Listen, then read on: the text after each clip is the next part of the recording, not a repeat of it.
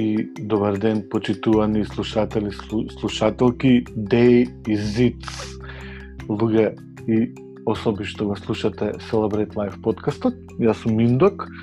Денешната осма епизода и ќе посветиме малце на менталното здравје, инаку оваа осмава епизода требаше да биде прва, меѓутоа условите во кои што сите функционираме се сменија па затоа ја снимам малку подоцно, затоа што мојата другарка реално е прилично зафатена периодов, се отворија некои нови форми за работа плюс.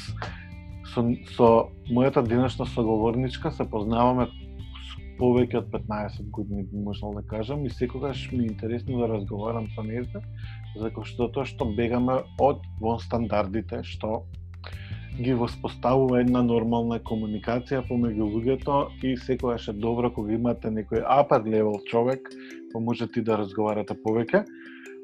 Денеска со мене е Радмила Живановиќ, психотерапевтка.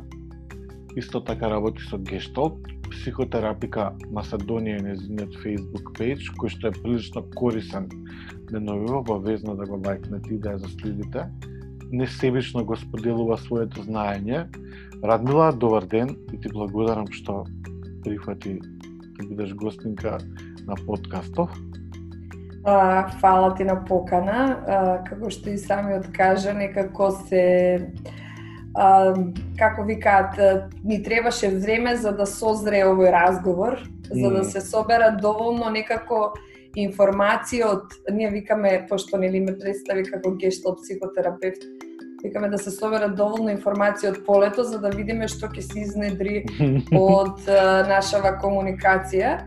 А, така да фала ти, на вистина почитувам и цена, ја ценам твојата работа одамна, а, твојот активизам секогаш и многу ме радува што еве најди ваков начин некако да се изразиш преку нели со луѓе кои што секако би сакале заедно со тебе да изартикулираат некои секојдневни теми а, на еден ваков начин.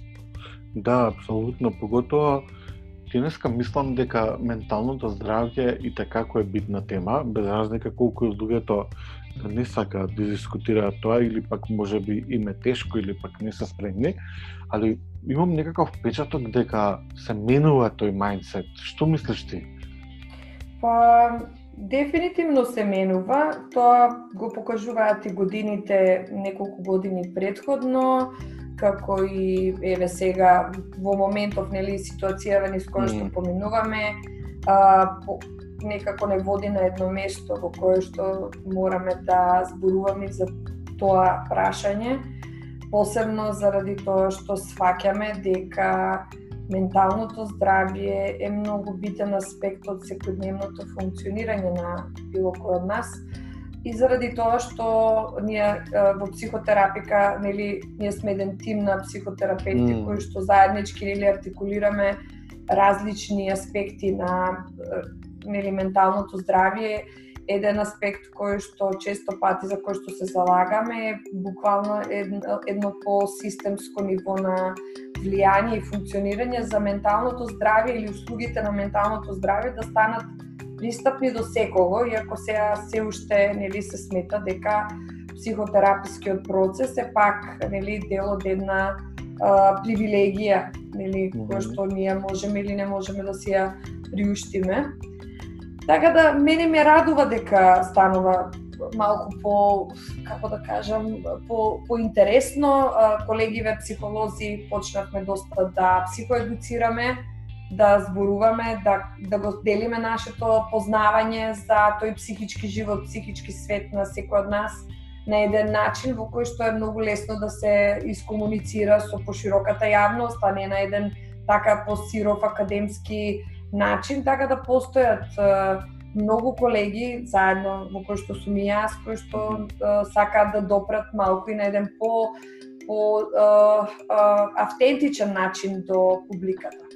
Да, да, да. Интересно е дека имате групни сеанси сега, така ти барем имаш групни сеанси, мислам, некој Да, период да, од да. денот, да, што е наистина добро.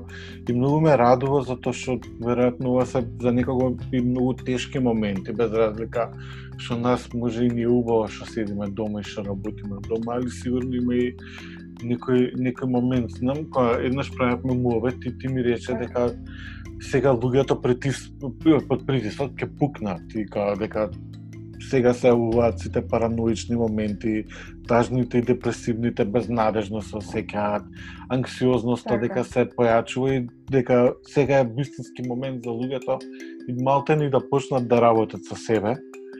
И... Да се разбереме, да се разбереме, тоа не е дека не постоело, тоа Да. постоело кај секој од нас и постои и постои дали како тенденција, дали како состојба, дали како некоја си нели наша тенденција обично во суштина ние како луѓе знаеме да бидеме или посклони кон некои депресивни расположенија или кон некои Мм. повеќе анксиозни расположенија, вклучително нели зависно од тоа како сме каков ни е карактерот, како сме се развивале низ годините, дали ги образуваме нештата, дали ги контролираме нештата, дали а, се предаваме на очеот на разочарувањето, дали како како мислење имаме за себе. Значи тоа не е нешто што што го немаме во себе. Тоа може би малку било така подзаскриено. Знаете кога кога ќе влезете во во, во кога влегувате во спалната, па цела недела трупате алишта врз столчето и да знаете да си ги најдете работите. Е, а, сега малку е, ситуацијата е поинаква заради тоа што а, трупањето на нештата веќе станува голема тежина и знае а, многу а, по, повеќе да, да еруптира и да да створи една неподносливост, дополнување тоа што нели и условите во кои што моментално се наоѓаме се доста нестабилни, несигурни, доста непредвидливи. Тоа посебно за луѓето кои што се закачени на контрола, знаеме дека многу од нас сме влезени во машината закачени на контрола, закачени на организација, структура, на предвидливост, знае да ги измести работите и буквално да не остави а, со смкнати гаки. Да. па добро, ама јас исто го делам тоа мислење дека не постои ништо безнадежно, дека за све постои решение и надеж без разлика колку и никогаш да не изгледа нас тоа во, невозможно и дека на нас не е најлошото, али Така. овие моменти луѓето треба да се кажат дека ке сите е лошо, дека Па нема еве тука... јас јас при, јас признавам и тоа мислам дека треба ние да сме многу како и како професија, но и како луѓе кои што нели а, ги разговараме овие работи, треба да сме понизни према сечи искуство, вклучително треба треба да сме понизни пред собственото искуство и кога нешто не функционира, едноставно да кажеме дека не функционира и тоа е тоа, ние не сме а, човечки богови кои што нели одеме на на земјата и нас ништо не може да не допре, да не размрда, да ни се сруши. Баш буквално се додека го го го гаиме тој комплекс на супериорност или кој надменост, арогантност, доминантност, а, а, се до тогаш ние имаме многу поголеми шанси сега во овие моменти да се скршиме и да се склизнеме и да не знаеме што да направиме понатаму. Да, знам дека мислам дека многу луѓе се соочуваат со анксиозност и у моментов затоа што се карантин. Можеме ли нешто да им препорачаме или знам дека сега не можеме да им помогнеме максимално, али можеме ли нешто чисто да ги посоветуваме затоа што ја кај на психотерапика видов една многу добра вежба и ама не знам дали таа може да се поврзе за со ова што те прашувам за резилентните его сили Така. и таа вежба, дали може да им помогне на луѓето во што се во се справуваат со анксиозност или пак не? Таа, мислам, таа вежба ние зборувавме за резилиентноста како концепт е многу битен Мгм, заради тоа што тоа е тоа е еден психичка психичката резилиентност всушност е концепт во кој што нас не учат ни животот и не развиваат дури непријатните искуства. Мгм. Uh, тоест ние многу учиме и стекнуваме како стратегии за преживување и за соочување токму од негативното искуство, од потешкотиите, од фрустрациите, Така да не треба ни да се тоест луѓето што луѓето што живеат под стаклено звоно имаат најголеми можности сега да нели да се активираат во некаква си нели потешка состојба психичка. А, заради тоа многу е битно според мене, јас размислував како психотерапевт, нели како се јас ќе помогнам на луѓето, сите доаѓаат со некои притисоци што од надвор, што од натре и сите пукаат, секој скрпува од таму од каде што може, колку може, како може. А, прави некој а, психички patchwork, нели? Но, а, но, но на моменти сето тоа веќе нели, лесно знае да попука, да едноставно да изгуби смисла. Mm -hmm. И заради тоа мислам дека е многу битно колку и да е често пати викаат клише, ништо не е клише, зборуваме за его сили кои што кои што се дел од нас, знаеме дека егото има најреалистичен контакт со она што сме, значи нит проповеда, нит нит ги бутка страстите во прв, прв, прв план, и тоа е една структура на личност која што ние знаеме оддавна, така да егото практично не зборуваме за его кое што е надуано его, кое што е умислено, зборуваме за реално его, тоа што ги има, ги собира сите реалистични искуства и ги преработува на начин на кој што може да ги искористиме за самите себе. Ние забораваме на нашите, ние знаеме to dwell on the past, знаеш, да заглавиме во, во минатото, mm -hmm. па да го преработуваме, веројатно заради тоа што тоа минато нема некаков исход. Но во исто време, а, не гледаме а, во минатото во кое што сме имале некаков исход, исход кој што нас не направил да малку поинаку гледаме на животот, поинаку гледаме на себе, поинаку гледаме на нашите капацитети. И често пати а, треба само малку да се поместиме од таа позиција за да сватиме нели а, што та, што нас или а, што сум јас кога поминувам низ тие искуства а, што а, можам да направам како резултат на тие искуства, нели? И а, што а, сакам, нели, да, а, да, да направам. И сега тука е многу битно дека се активира таа здрава, а, здрава его сила, која што нас ни помага да а, не учиме од нашите негативни искуства и да се адаптираме на ситуацијата во која што се наоѓаме. Да, да, да.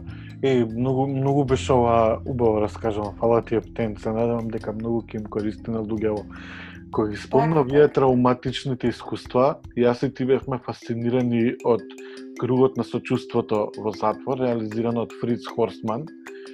Кај мене тоа пробуди ептен емоции и Кај мене исто.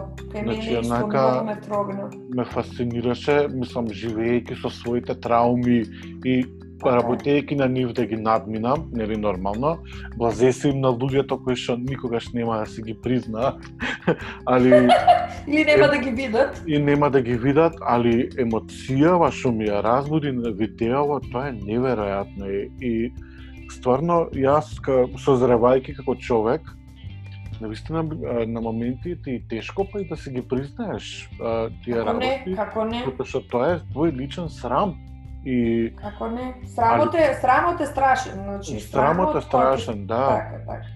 Али тоа ослободувањето кога ќе дојде онда ништо после не е важно животот, као реално ти си свесен за самиот себе си и работиш на самиот себе и ништо поише. А... А, јас јас искрено ти кажам од кога го видов овој експеримент, mm -hmm Јас се а, а, размислував за тој а, парадокс, нели, кој што а, се појавува во експериментот, а ние многу гешталтерапевтите сакаме да работиме со парадокси.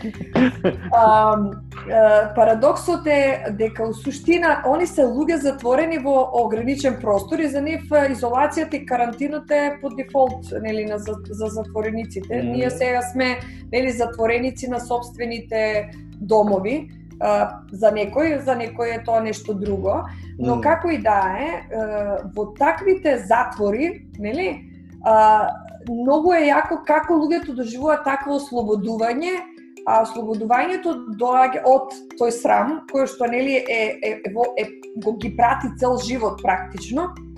А, единствено преку а, а, колективно признавање, преку колективно а, сочувство, преку уважување на оно што имаат поминато, преку гледање во оно што и другиот има поминато, моментот на јас не сум сам и најинтересно ми е дека овој експеримент го водеше, што за мене па од психотераписка позиција е многу битно, а, го водеше некој кој што самиот има поминато низ таквото негативно искуство, има да. излезено да. од самото тоа од срамот. Е. Тоа е битно за нас кои што нели не сме стигнале до тој степен на да бидеме затвореници, нели mm. да бидеме да имаме така длабоки трауми од детството кои што не довеле до позиција нели да бидеме во затвор, да извршиме некои такви mm. а, лоши дела, а, да да уствари погледнеме околу себе, јас а, дури и направив адаптација на круг на сочувството, пошто реално а, може да се аплицира било каде. Mm. Еве сега јас, а, например, баш кога сме дома, ние можеме да направиме две варианти. Можеме да ја направиме со нашите луѓе кои што се дома, mm -hmm. значи со луѓето со кои што сме, реално, да направиме еден пул на прашања нели или пак да секој да направи по две-три прашања кои што нели во моментот на вистина му е тешко да се ги признае на сам себе. Mm. И тие прашања, на пример, да си ги поставуваат за да видат колку они резонираат и се блиски едни до други за да можат да да да сватат колку маката одредена или страдањето се една една заедничка, едно НЗС понекогаш посебно во во семејството, но за тоа потребно е да имаш нели семејство кое што е доста свесно за процесите. А, сега ја го во, во, во го зборувам моја перспектива, но некој да, кој би да. сакал кој би сакал сам да го направи, нели сам. Тогаш јас би издвоила неколку луѓе, на пример, кои што а, со кои што често пати не се разбираме, нели, и луѓе со кои што а, ги познаваме, а им имаме некаква непријатност кога сме со нив, чувствуваме срам, на пример. И а, тие луѓе можеме да ги поставиме како имиња на еден лист бел хартија и да почнеме да ги поставуваме прашањата, нели, кон тие луѓе, иако се замислени, имагинарни, какви и да се. И чисто да видиме дали тие луѓе во нашата представа, во нашата свест, имаме ние некакво доживување дека имаат проживеано некаков тип на срам -hmm. а, ова го зборувам, не мора тоа да е вистина, не мора да е точно. Значи, не мора да е, но самото прашање кога го поставуваме кон другите, значи дека ние ги активираме а, представите за другите како некој со кој што и можеме и да сочувствуваме, отколку само да се спротиставуваме, да бегаме, да игнорираме, да бидеме непријатели, нели?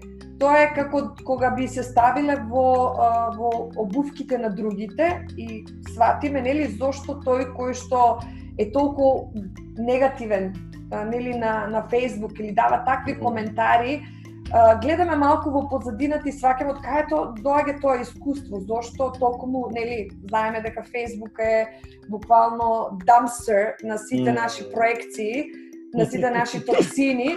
Баш, баш така и наместо и ние да се закачиме за тој отров, нели, да, да уствари да го преработуваме сите како систем, нели, тој токсин, да успееме некако преку нашата позиција да го рециклираме тој срам, нашиот срам, нели, вклучително за да не исфрламе дополнително отрови во мрежата во која што комуницираме, која што знае да биде огромна подршка на моменти со луѓето со кои што нели разменуваме секој ден. Mm. Да, ти пред некој период напиша, саки те цитирам, може би малце ке сгрешам, дека карантинот за функционалните релации и системи може би е нешто најдобро што се ни се случило, као ова што да. се случило во моментов. За други пак секојдневните рутини ќе бидат комплетна траума и дисфункционално, некоја нова трауматско искуство. Ова е, на пример, одлична вежба за да се справиме со сето тоа, затоа што сигурно полот луѓе во се загрижени за иднината и све оно што ни се случува, така да мислам дека ова е тен ќе биде од полза за луѓе во што ми го слушаат подкастот, затоа што реално сите сме загрижени. Дозе се на оние што не се. Е, сега, а, сакав со тебе тука, пошто ти го донесе почетокот на постот, јас сакав да го донесам mm -hmm. нашиот однос према луѓето со кои што сметаме дека имаат, можно е да имаат одредена дисфункционалност во периодов mm -hmm. или да, да имаат некое понагласено страдање. И, и таму донесов дека у суштина ние треба малку да, да направиме attunement, сега како да се малку а, спуштиме на ниво во кое што мислиме дека можеме да бидеме подршка, наместо да бидеме поголемо а, притискање и и буткање на другиот во уште поголем срам, нелагодност, непријатност.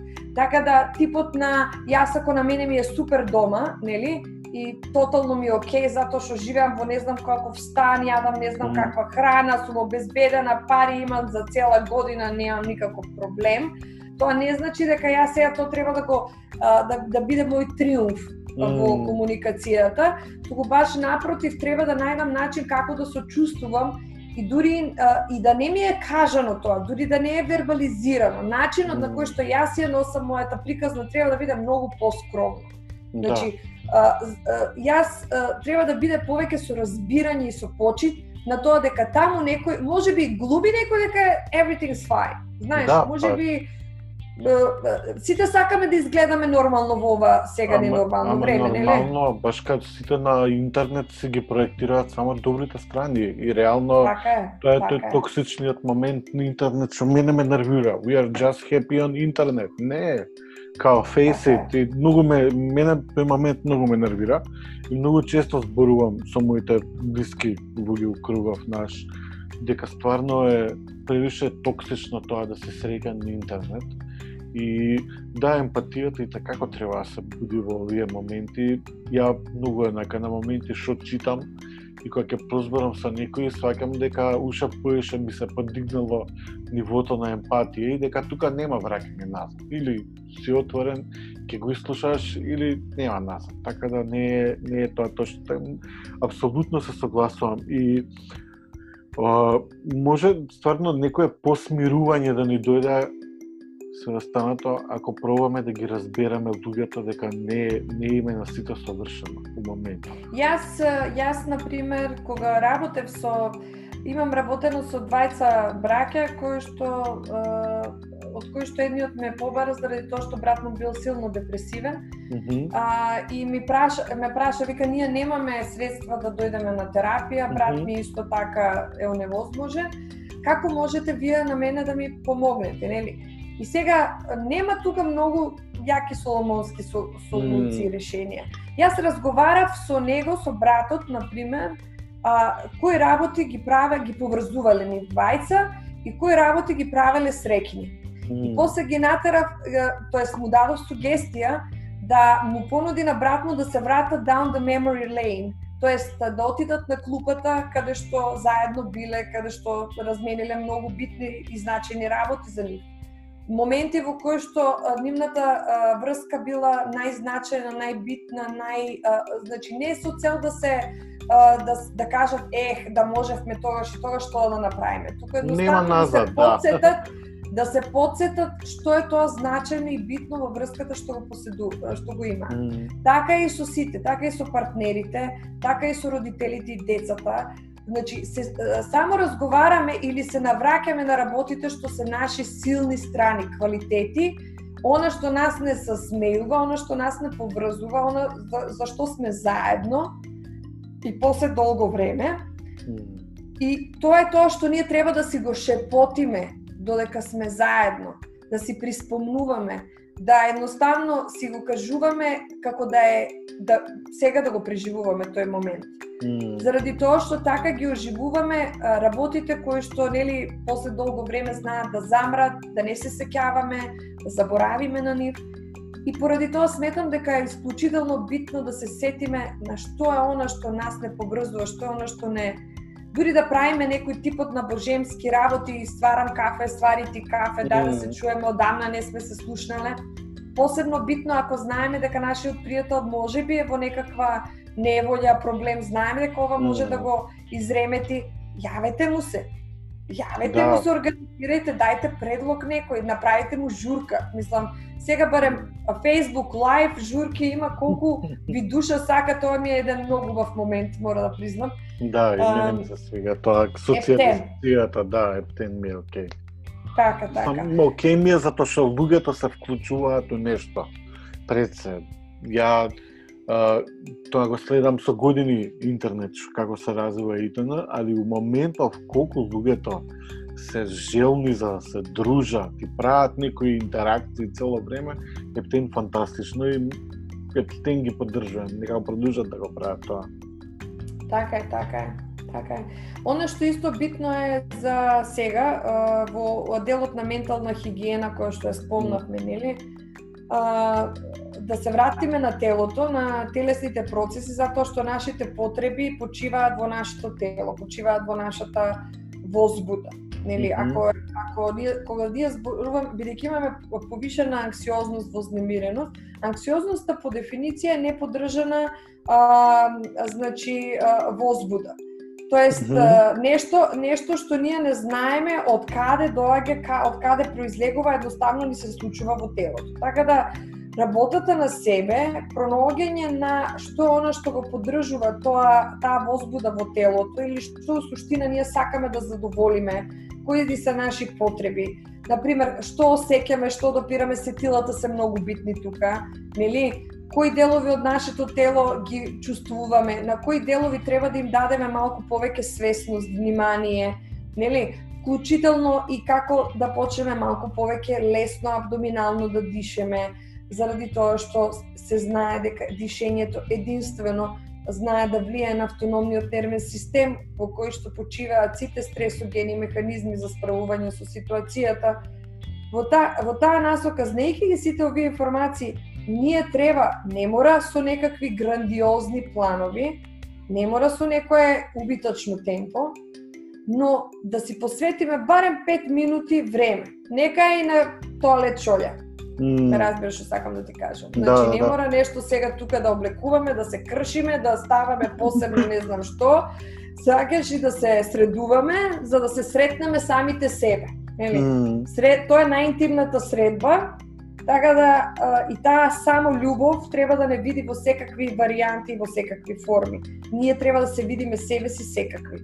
Ако да. се криеме од себе, ако се криеме од себе, тогаш како ќе успееме да се покажеме пред другите, пред светот. Баш така. да, и исто така прилично токсично делува муабетот денови го гледам многу често, да престанете со тоа self-love. И као, малце ми е исто тоа крипи, као, зашо некој повикува да престане некој да се грижи за себе си, али да, секакви секакви типови на луѓе. А, али, види, а, види, вратил исто на на твојата вежбата што ја кажа ти, јас сум, јас имам, јас можам. Као тоа е реално нај реална слика која ќе се најдеме во некоја небре, небрежна ситуација или пак кога анксиозноста ќе стигне, така да it, it works for me, не знам за останатиот свет, или дали ќе се согласиш ти, али... А, значи, јас ја користам многу често вежбата, mm. пошто јас се наоѓам во ситуација кога се и свашта ќе ми се појави во главата и едноставно многу е битно да дефинираме понекогаш и да си обзнаниме пред себе, да си просведочиме. Mm. Затоа е многу битно да ги имаме тие тие мене ми се многу ми се допаѓаат тие недовршени реченици Mm. Затоа што тоа е еден тип на проективна техника, се додека ние можеме да се опуштиме и да си веруваме и да не мора на секој да го покажуваме тоа, но доволно е ние да го видиме што што ќе си запишеме. Така е.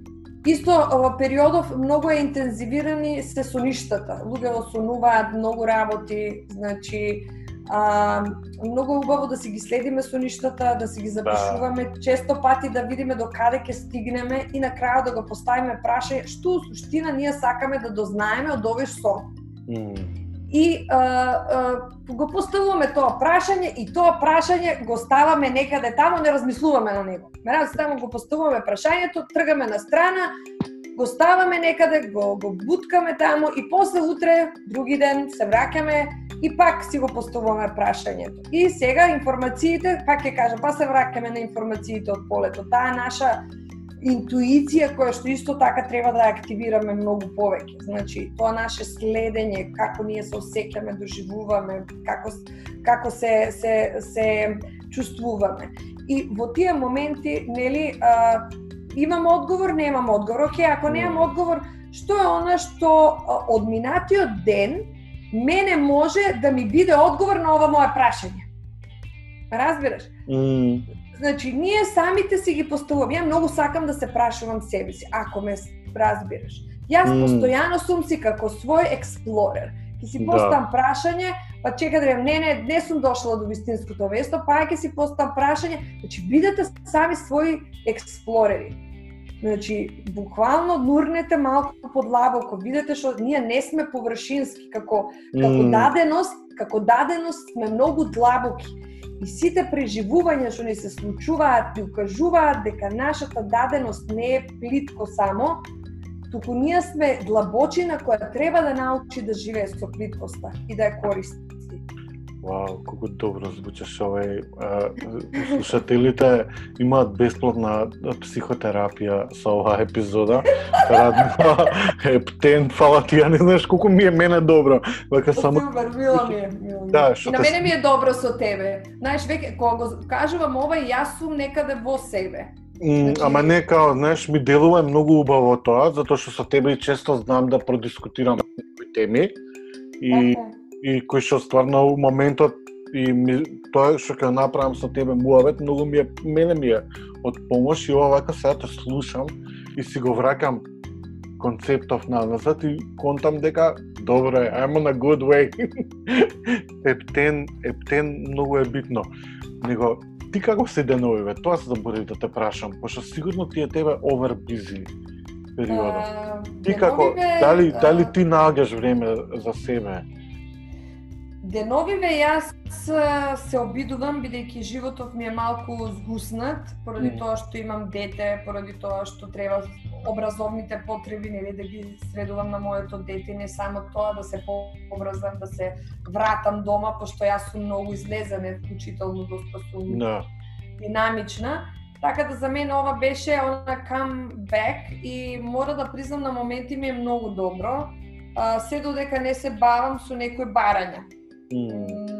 Се додека у суштина можам да си го организирам сама своето време и знам, свесна сум дека тоа е пак некоја привилегија и не ми е тешко да кажам дека е привилегија, Па да. Но а, во суштина сум и тука за сите тие што Ама ти така си работала за да стигнеш до таму каде да научиш како да се справуваш, така да. Е, ете тоа, ете тоа е привилегијата. У суштина јас правам многу лесно рекавери на мојата функционалност. Е тоа е у суштина предноста што јас се имам, може да се каже привилегијата, долгогодишната работа на себе, себе истражување, она бургијање во длабокото одење со чизми до врат, во непознати mm. води, во бари, во прашуми, со фенерот во, во рака или без светло, тресејки се, сега ми да. до, до, донесува некој си, како да кажам, не дека јас ги немам истиве демони, сите си имаме сенки. Нормално, да. А, но, но со сенката сум пријател, пошто ме научила многу, И заради тоа често пати кога ќе се појави, знам а, да знам точно што што што ми кажува. Често пати тоа е некој глас од внатре, тоа е некоја интуиција моја која што ми кажува дека get yourself together. И е, во тој момент бирам што е најбитно и најважно за мене, тоа што е тоа што мене ќе ме направи нај, пријатна сама со себе. Uh, без uh, без да да ги да прави другите да се чувствуваат непријатно. Тоа значи многу сум свесна за другите во даден момент. Не е тоа потреба да се од себично поведение, туку е потреба да не се заборавам себе си и така да кај, кај мене како нели некој што работи во таа област, тоа е многу по навикнато, по хабитуално, по е дел од мојот секојдневен репертуар. Знам дека на луѓе со кои што почнуваат во тоа да гледат, знае, да биде многу конфузно, тешко, комплицирано но јас сум и тука поддршка, најчесто и од моето искуство да донесам многу работи.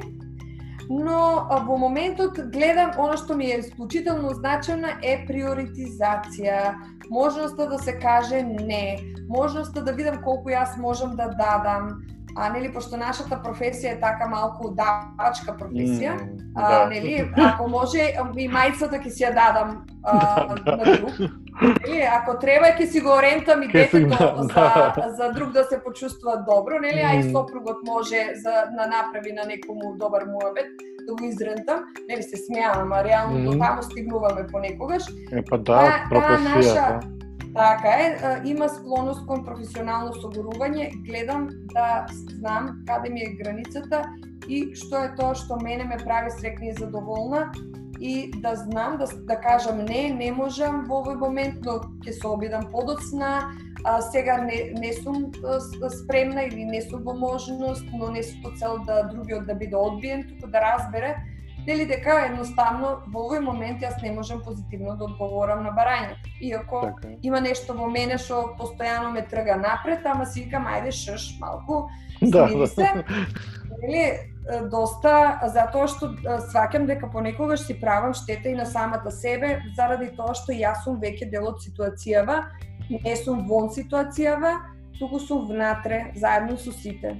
Mm, да, така башка да... реално сите сме крв и месо, треба време за себе си, не можеме да сме цело време ниту срекни, ниту пак расположени за муабет, така да многу е битно да имаме и малце приватност и време за себе. И секако тука се нашите драги кучиња кои што секогаш го менуваат тоа расположение и ни помагаат во процесите. Мора да признаам дека од која имам куче дома, едно за да и биде подршка на мојата керка, единица, а друго за да не биде подршка и нам, а, сметам дека животот ми стана многу поубав и а, многу сум и благодарна а, за љубов, целата љубов што ми ја дава и керка ми и кучето. Значи они се викаат дека се сестри двете, заради тоа што некако има огромна поврзаност помеѓу детето и кучето, па и да ти кажам искрено, јас многу живам во таа љубов и во таа доверба.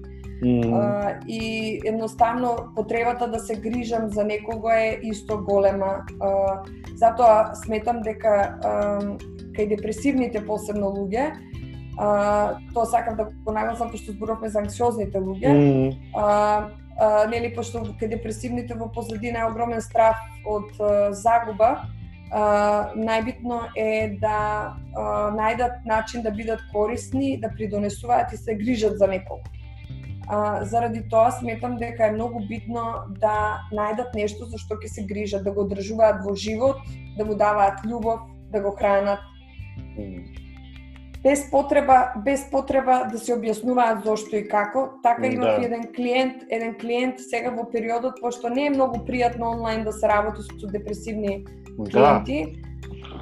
Тоа сигурно сите го кажуваат тоа, да, да, да, така. Да Така е. И со него си го правиме муабетот е ајде да сега ти што би можел да направиш чисто за да се осеќаш подобро и чисто да се изгенерираат опции кои што би можел, например дали тоа е грижа за некоја бабичка во зградава да иземе нешто, да ја припоможи или да да почне да се грижи за некој друго битие или за за не знам растение, да да прави работи кои што ќе ги гледа како растат, како се развиваат, како да, да, да се појавува благодарноста на, на соработката и на негата, нели, која што ќе добива mm. и ќе го храни. Uh, тоа мислам дека се покажало исклучително битно кај да. луѓето кои што некако така се предадени на некоја си uh, um, немоки и очи. Да, еве уште една потврда од уште едно стручно лице дека кучињата го менуваат животот. Ја за своето искуство со кучето можам да напишам 10 страни се малца 10 страни, така да многу е битно да да ги слушаме луѓето професионалци што имаат да кажат на оваа тема, посебно во овие моменти кога страшно се напагаат и кучињата, а тие не должни се, нели? Толку се отворени и добри према сите нас. Радмила, а, не знаеш колку живам во епизода, мислам сите епизоди што ги снимив до сега ми се посебно драги, али оваа ми е као некако што вика една другарка Sundays are for mental health. И со, со тебе буквално као на сесија се осекам и многу ти благодарам за отвореноста и за за тоа колку несебично ги сподели овие работи, пошто мислам дека многу ќе бидат од корист на луѓе, искрено. Па, фала Богу дека е така. Ние треба тие што има треба да дадат на оној кој што на кој што му е потребно, нели? Тоа се се враќа. Според мене сметам дека а, ние сме поврзани со некои универзумски закони, така да даде отворената рака или дланка или некој кој што подаруваме, му даруваме, ние ќе добиеме дар, нели, Да. кога ќе ни е потребно. Апсолутно. Јас од Така моја да фала ти на тебе, фала ти Да. на тебе што што вака а, нежно и и присутно и а, вклучено ме ме водеше и јас можам да кажам нашата комуникација обострана. Никогаш не постои еднострана комуникација. Тоа зборува многу за за нели та тај вајб што го што го Мм. разменуваме, што го градиме заедно, работите во кои што веруваме, за што се залагаме, што поддржуваме. Така да на тие моменти многу се сме најдени и заради тоа и разговорот со тебе е на вистина како попладневна неделна дремка, онака кога стануваш после дремка, онака сладко ти е во устата и кафенце најубаво си пивкаш и си гледаш надвор во празните улици и смуживаш во тишината. Да, да, Ептен, многу ти дра, пала ти Ептен за за што имаме обострано чувство, баш када не да не зборам колку твоите постови мотивираат мене за моите цртежи, затоа што некако е, искуствова што ги влечам од луѓето, па добро ми делуваат за да цртам и све останато и многу е битно луѓе да имате со некого да разговарате или едноставно да имате исти вајб. Без разлика дали е, сте тука цело време или пак може би имате спротиставени ставови ставови, затоа што некогаш спротиставените ставови носат до добро решение, доколку не е тоа токсично, нели, нормално. Така да, Види, со секој ние, со секој ние ќе си најдеме по некој вајб. Битно е да Мм. имаме желба да го најдеме вајбот. А ако го најдеме вајбот, ќе знаеме да направиме муабет. Ако уште од стартот биваме да најдеме било каков вајб, нема да го најдеме, па што сака нека биде. Така да се зависи од нашата одлука. апсолутно. Почитувани слушатели, е, 45 минути инаку разговараме Радмила, значи не знаеш како ми пројдоа, како 5 минути пројдоа. Супер. Ова беше осмата епизода на Celebrate Life подкастот. Денеска ми беше гостинка другарка ми Радмила Живановиќ, психотерапевтка и гешталт терапевтка, психотерапика Македонија е незиниот Facebook пејдж, а Радмила Живановиќ е незиниот профил. Или да не го кажувам профил. Супер е, добро е, окей, мислам, Да. ти. Радмила е прилично отворена, цело време дава интервјуа, па и постовите малтани секотерапија, така да заследате ја, заследате ја, имате што да научите доколку ви интересира менталното здравје, а доколку периодов не се осеќате комотно, имаат они а, групни сесии, али за тоа ќе да знаете поише, просурфајте малце, затоа што не не знам ни Не можеш, абе не можеш се да им изжвакаш, па сега ти Да. остави малку нека се радуваат и нека се изненадуваат. Да, баш така. Радмила, кој ќе пројде карантинов, е, идеме на шетње на кучиња. Обавезно. Останете добри, чувајте се. А вие Исто и ти. благодарам. А вие почитувани наши слушатели, останете добро расположение и почнете да работите на себе доколку до сега не сте работеле. Колку и да звучи ова, не знам како ќе го разберете, али уживајте у времето и пробајте да направите нешто добро за себе. Се слушаме. Чао! Чао.